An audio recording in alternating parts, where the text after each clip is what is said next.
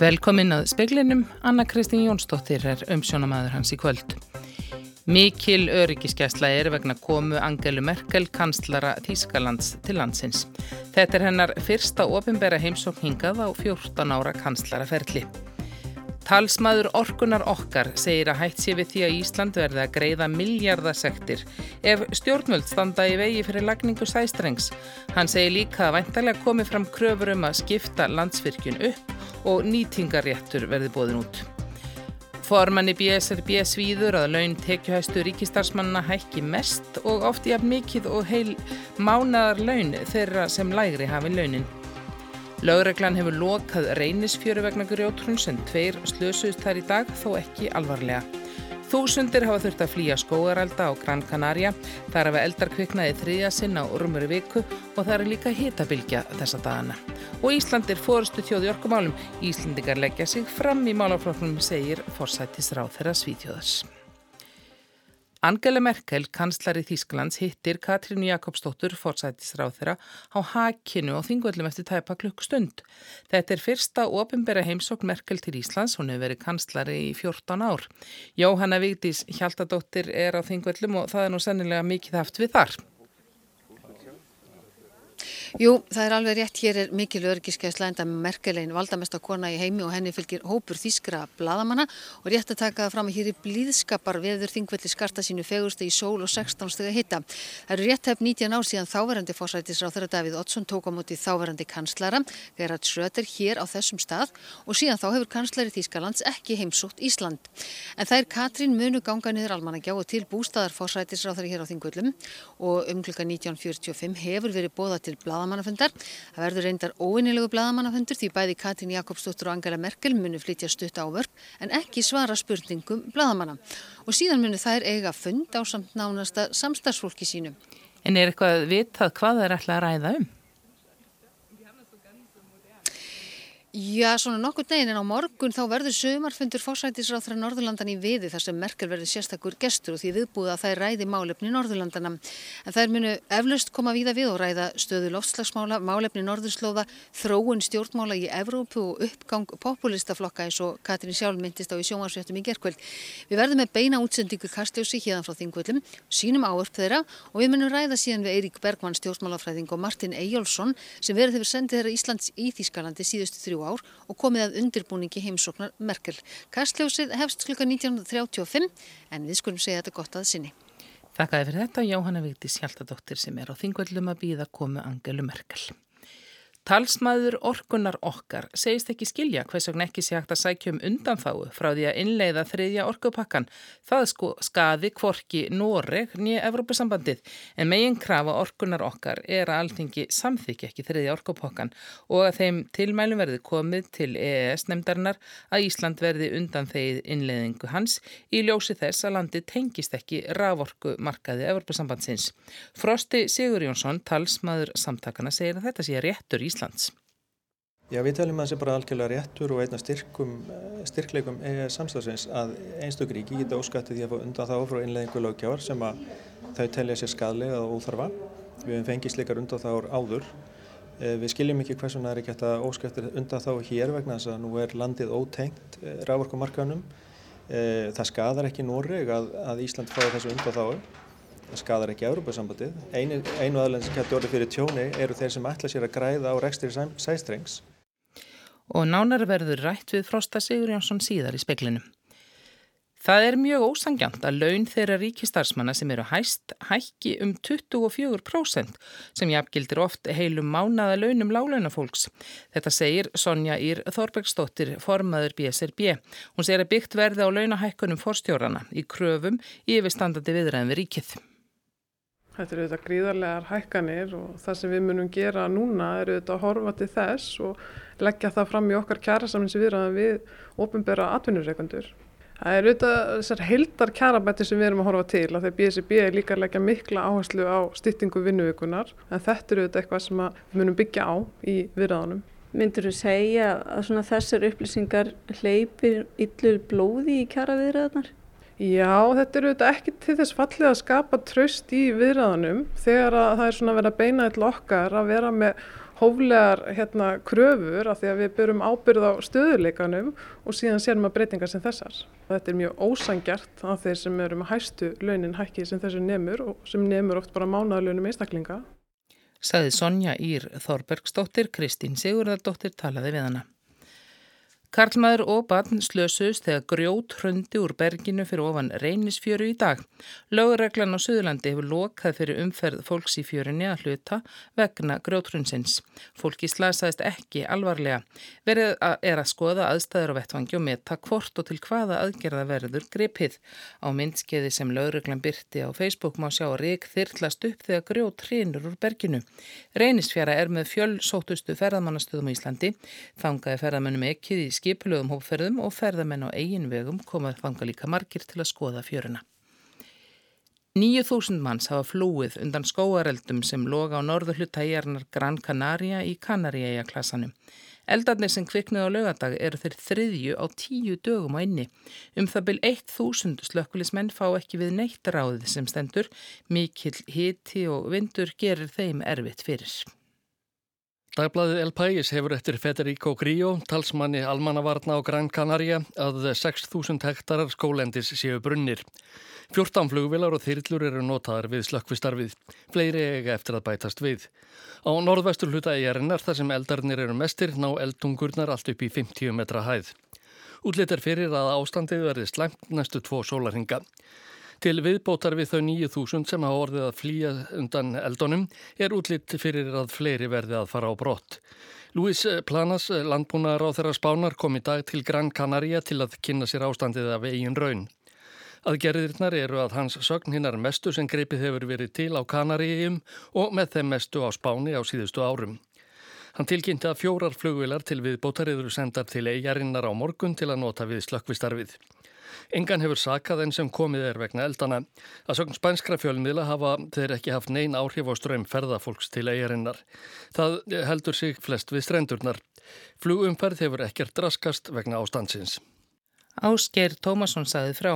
Við þetta má bæta að gefin hefur verið út gul veður viðvörun í söður hluta Gran Canaria þar sem ferðamenn eru flestir.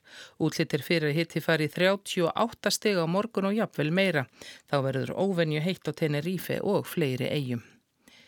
Jeremy Corbyn, leðtói verkamannaflokksins í Breitlandi og sendt Katrínu Jakobsdóttur forsættisráð þeirra bref þar sem hann lýsir yfir stuðningi við aðgerður hennar í loftslagsmálum og segir að mikilvægt sé að bregðast við loftslagsbreytingum áður en það verði of seint.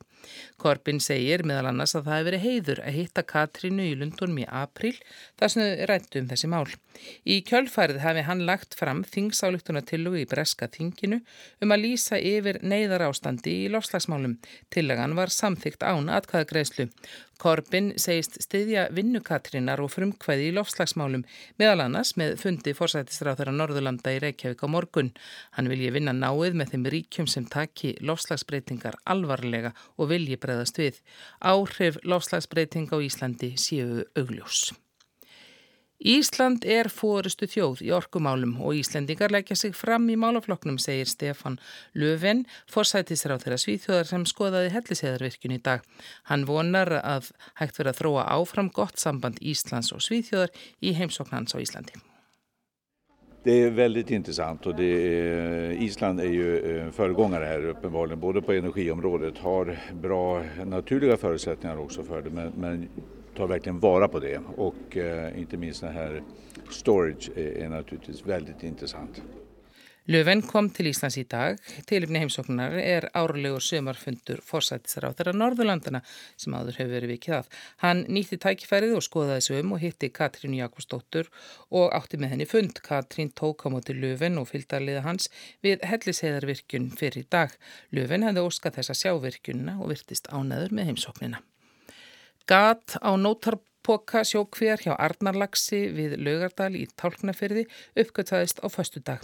Gatið er 7-12 cm að stærð og er á 2 metra dýpi. Engin lax hef, úr sjókvinni hefur veðist að því framkemur í tilkynningu frá matfælastofnun. Gatið fannst við skoðun kavara og er búið að gera við það. Um 179.000 laxar voru í kvinni. Þíski Sæðlabankin Bundesbank varar við efnagslæði í Þískaland á þriðja ásfjörðangi. Þetta kemur fram í mánadalegu yfirli til bankans. Samdrátturum var 0,1% á öðrum ásfjörðangi. Útflutningur yðnavarnings til bandarækjan og Kína hefur dreyið saman undanförnu og er það rakið til viðskipta stríðs þjóðana.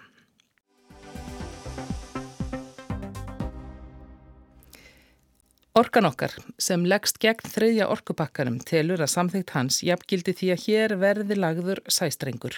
Hætt sé við því að Ísland verði að greiða miljardasektir ef stjórnvöld standa í vegi fyrir lagningu sæstrengs. Krafa komi líka frá engaðilum um að landsvirkjum verði skipt upp og hver virkjun verði eitt fyrirtæki. Það styrtist því að þriðji orkupakkin verði afgreitur á alþingi umræður verðum hann á meðuguta á 50 dagi næstu viku og ráðgert er að atkvaðagreisla verði mánudaginn annan september. Annar fundur utaríkismálunemndar alþengis þar sem gestir gerðu nefndinni grein fyrir afstöðu sinni til einleðingareinar var haldin í morgun. Flestir komu þá öðru sinni fyrir nefndina, fulltrúar orkunar okkar sem leggst eindriði gegn því að þriði orkubakkin verði samþyktur mættu í morgun. Þar var meðal annars upplýst að 16.000 manns hefðu skrifað undir áskornum að alþengi samþykja ekki pakkan og er þeim tilmælum beint til sameilu ES nefndarinnar að Ísland verði undan þegið innleðingu orkupakkans í ljósi þess að landir ekki tengt raforkumarkaði ESB. Það er áleitt orkunar okkar að já við orkupakkanum þýði jafnframt að já við lagningu sæstrengs. Frosti Sigur Jónsson, einn talsmaður samtakana, segir að það gangi ekki upp að samþykja pakkan sem fjallar um viðskiptu með raforku yfir landamæri og ætla sér á sama tíma að segja nei við sæstreng.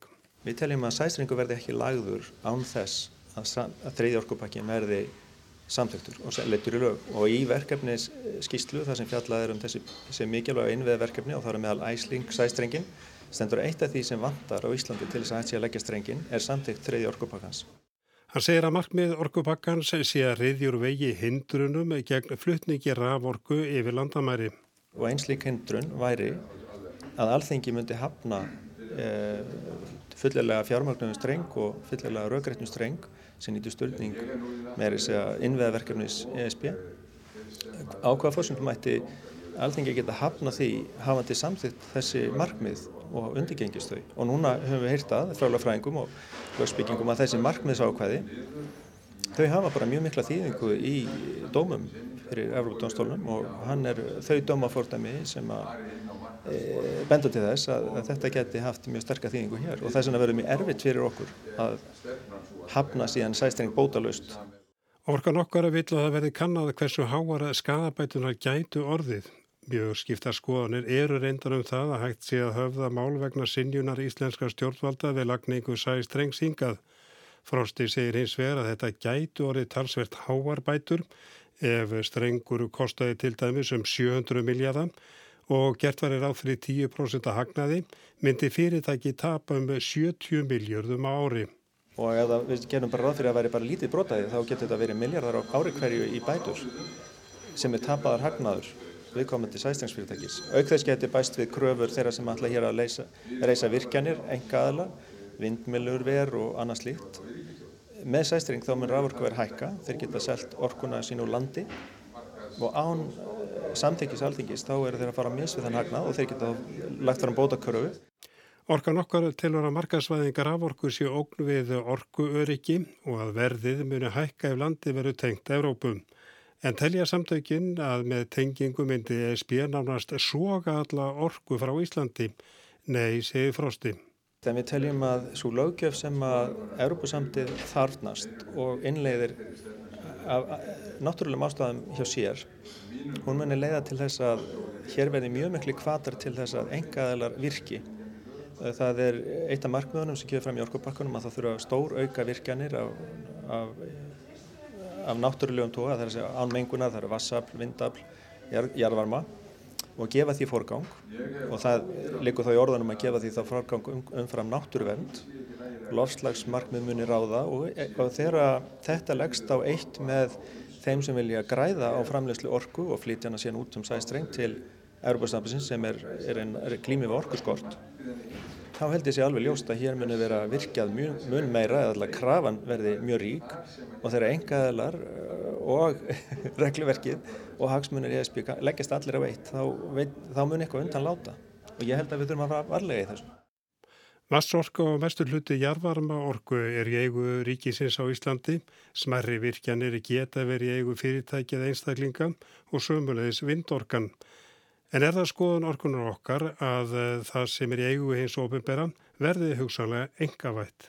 Já, þessi kraftar sem ég er að tala um eh, og reglur markaðarins, það er samrýmist því mjög illa að ríkið eigi 50, 95% raforku kervisins, alla flutningsleðirnar, eh, megnið af virkununum og það sá söngur er að hefjast og hefur heistur að háa sorku og þeim finnist hlutið landsvirkunar allt og stór.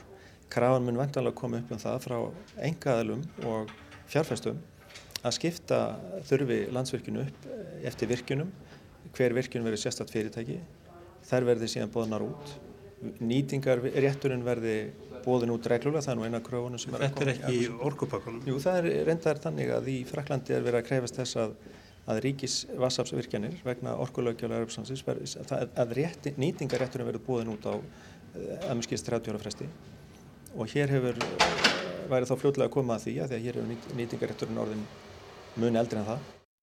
Sagði Frosti Sigur Jónsson, Arnar Páll Haugsson talaði við hann.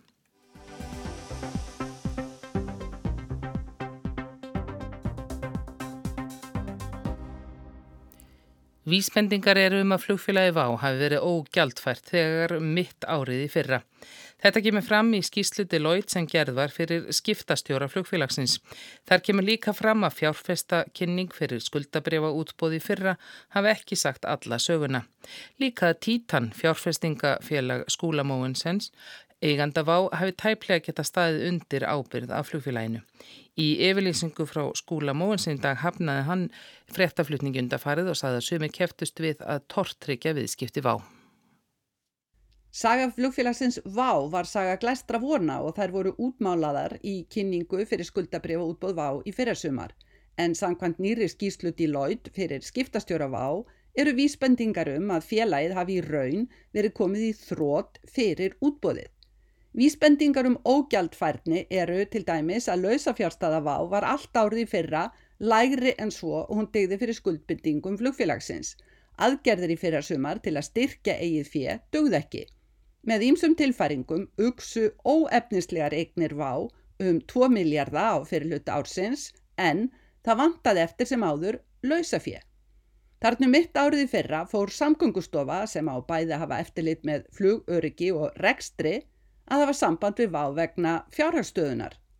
Ísafja gerði á sama tíma samkómulag við vá um að vegna ógreitra lendingargjalda væri alltaf vávél á keflaukurvelli.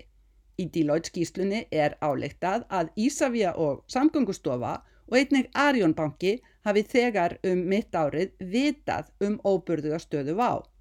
Samanburður á fjárfestakynningunni og skýslu Deloitte sínir að í kynninguna vantaði upplýsingar sem ímsir þáttakendur í útbóðinu telja hefði átt að liggja fyrir. Samkvæmt kynningunni átt að setja afrakstur útbóðsins inn á vakstareikning og noti rekstur vá. Ekki nefnt að þegar hafi verið samið við Arjón og Avolon, tvo lánadrottna vá sem tóku þátt í útbóðinu, að þeir fengju skuldir sína greitar af afrakstri útbóðsins.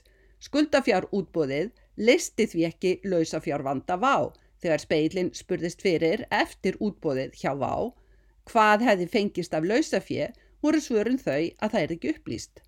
Af tæplega 50 miljónum bandaríkjadala sem voru eftir að frádregnum kostnaði og innlögn á vakstareikningin fóru 20 miljónir dala í að greiða skuldir þryggja þáttakanda í útbúðinu, Arjón, ALC og Avolon. Þegar komað fyrsta vakstagreðslu deinum, 24. desember, var ekki innstæða fyrir greiðslunni á umrættum vakstareikningi. Peningarnir höfðu farið í annað. Hið aðdeglisverða er að samkvæmt í lautskíslunni tók Vá sjálft þátt í útbúðinu en engin upphæðnemt. Skúli Móinsen, eigandi Vá, keipti 5 af þeim 50 miljónum evra sem söpnuðust í útbúðinu. Þetta vissu aðrir þáttakendur ekki. Hlutur skúla var tekin að láni í Arjón, hvernig veðum var háttað kemur ekki fram í skíslunni. Skúli fullir þir í yfirlýsingu að nafi lagt undir húsi sitt og samtals tapað 8 miljardum á falli vá. Samspil Vá og Títans eignarhaldsfélags skúla og móðurfélags Vá er rakið í skýslu Deloitte. Eitt kaplinn er samningur um kaup Vá á hlutum Títans í félaginu Cargo Express. Vá átti að borga Títan tæpar 110 miljónir króna í loka april í ár en Títan fekk greitt fyrirfram í byrjun februar. Vá fór í þrótt í marslokk. Annar kapli var þar flugvélaviðskiptið Vá og Títans. Títan skuldbatt sig til að ábyrgja skreðslur frá Vá fyrir kaupum á flugvélum ef flugfélagist gæti ekki stæði skilum. En á móti komu samningar Vá og Títans þar sem Vá tók á sig sömu skuldbindingar og Títan hafði gagvart leigusölunum. Þannig að ef Títan þurft að kaupa vélarnar skuldbatt Vá sig til að kaupa þær af Títan. Í útbóðslýsingunni kom fram að Títan fekk eina miljón dala á ári fyrir þessa ábyrð en hvort ábyrð Títans hefði staðist er annað mál, óvíst um eignastöðu Títans. Í skýslunum til skiptastjórna er einnig talað um hlunundi skúla af leigu Vá á íbúði í London. Skúli segir íbúðina hafa verið fyrir starfsmenn Vá, Deloitte og reyndar Instagram myndir úr fjölskyldu skúla segja aðra sögu. Sankvamt upplýsingum úr bresku fyrirtækjaskráni skuldaði brest félag skúla Vá sem nú samsvarar 57 miljónum króna í árslokk 2017. Gjaldþrótt er ekki óvænt atvik heldur á sér langan aðdraganda. Eitt af skilduverkum skiptastjóra er að kanna greiðslur í þeim aðdraganda, til dæmis hvort verið sé að hyggla einhverjum. Skísla Deloitte er liður í því verki. Sigrun Davísdóttir saði frá.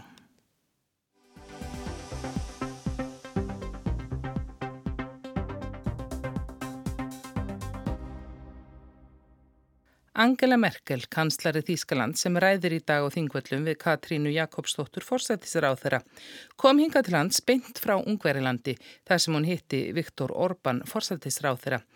Fundur þeirra Merkel og Orban var haldinn til að minnast all sérstakrar lautarferðar sem farin var fyrir 30 árum.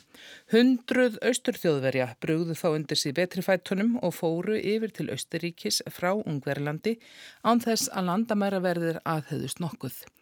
Landamærin voru opinn í um þrjá klukkutíma og yfir streymdu millir 6 og 700 austurþjóðverjar. Þetta sömar flýðu þúsundir samlandaðeira yfir játtjaldið. Margir fóru í sendiskrifstóður vestu Þýskalands í austantjaldslöndum.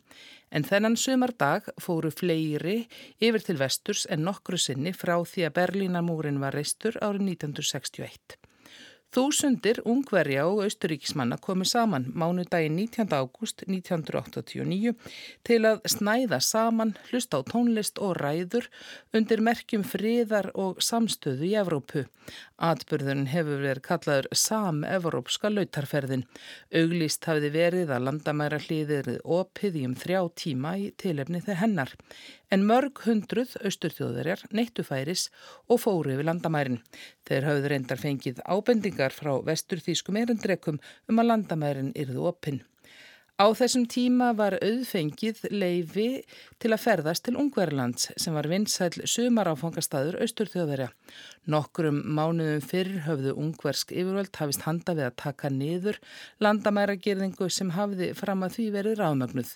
Þau lit ekki lengur á þessum sillu tverk að varna austurþjóðverjum þess að komast vestur. 11. september þetta sama ár voru landamæri Austuríkis og Ungverjarlands opniðu fullu og 9. november fjall svo Berlínarmúrin og Evrópa var ekki lengur klófin. Merkel sagði við aðtöfn í kirkjunni í Sopron, borg sem er næri landamæra hliðinu sem var opnað þennan sunnudag, að úr þessum aðgerðum fyrir 30 árum hefði orðið heims viðburður. Hún rósaði landamæra vörðunum sem ákvaða skjóta ekki að þeim sem stormuðu yfir landamærin. Sie bewiesen Mut, indem sie Menschlichkeit über Dienstvorschriften stellten. Es zeigt, dass sich der Freiheitswille der Menschen nicht unterdrücken lässt. Es zeigt, dass uns Europäer gemeinsame Werte einen. Es zeigt, was wir in Gemeinsamkeit erreichen können. Und genau deshalb bedeutet es mir auch sehr viel, lieber Viktor Orban, heute hier an diesem Ort zu sein, an dem vor 30 Jahren Weltgeschichte geschrieben wurde. Landamæra verðinir hefðu sínt hugrekki og sett mennskuna ofar regluverkinu. Atbörðurinn fyrir 30 árum sínir að ekki sé hægt að kæfa frelsistrá fólks líka að ákveðin gildi samin að Evrópabúa saði Merkel og sínir hverju þeir fá áorka þegar þeir leggjast á eitt og einmitt þess vegna skiptið hana miklu að standa þarna með Viktori Orban forsætisráð þeirra ungverja lands. 30 évvel ezelőtt ezen a napon kelet-német sorstársaikkal összekapaszkodva önök áttörték a szabad világ és Magyarország közötti börtönkerítést. Orbán saði meðal annars í ræðu sinni að ungverjar hefði á sínum tíma alvitað að til væri bara einn Evrópa. Þeir hefðu trúað á saminningu Evrópu og af henni hefðu orðið vegna trúarinnar. En Merkel hefur ekki komið til Ungverðarlands í nokkur ár og hún og Orban hafa ekki verið eitt sátt þegar kemur að landamæra vörslu og afstöðu til innflytjenda. Orban hefur gaggrind mjög þá ákverðun Merkel fyrir fjórum árum að opna landamæri Þískalands fyrir þeim sem flýja stríð í mið Östurlöndum og Merkel hefur sakað Orbanum að skorta mannúð í innflytjendamálum. Sumari 2015 þegar ströymurinn til Evrópu var hvað þingstur reistu Ungverjar fjögur að metra háa girðinga á landamærum sínum. Í breskablaðinu Guardian var nýlega rætt við Laszlo Nagy, eitt þeirra sem skipulögðu lautarferðina fyrir 30 árum og hann bregst ókveða við þegar landamæravörslunni nú er líkt við ástandið í kaldastriðinu. Nagy segir að játtjaldið hafi verið reist til að halda þegnunum föngnum en gerðingin sem gerð var 2015 hafi verið sett upp til að verja landið af líðræðislega kjörni ríkistjórn og hann kunni ekki að metta það þegar vestur Evrópu búar tali niður til ungverja. Skipuleggjendur lautarferðarna segja þeir hafa ekkit vitað af áformum austuþjóðarina.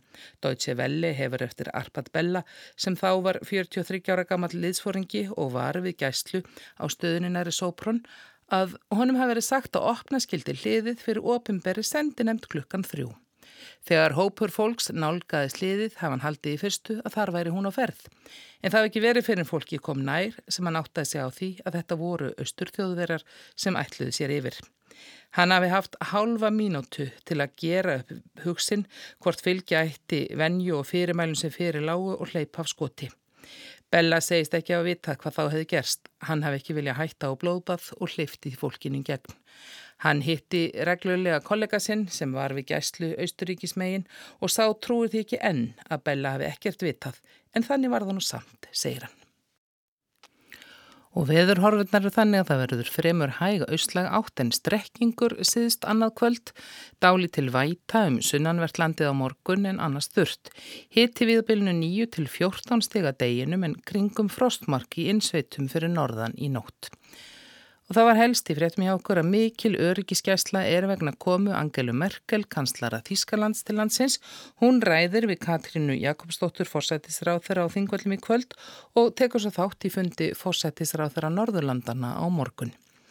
Talsmaður orkunar okkar segir að hægt sé við því að Ísland verða að greiða miljardasektir ef stjórnmöld standi í vegi fyrir lagningu sæstrengs og hann segir líka væntanlega komið fram kröfur um að skipta landsvirkjun upp og að nýtingarréttur verði bóðin út.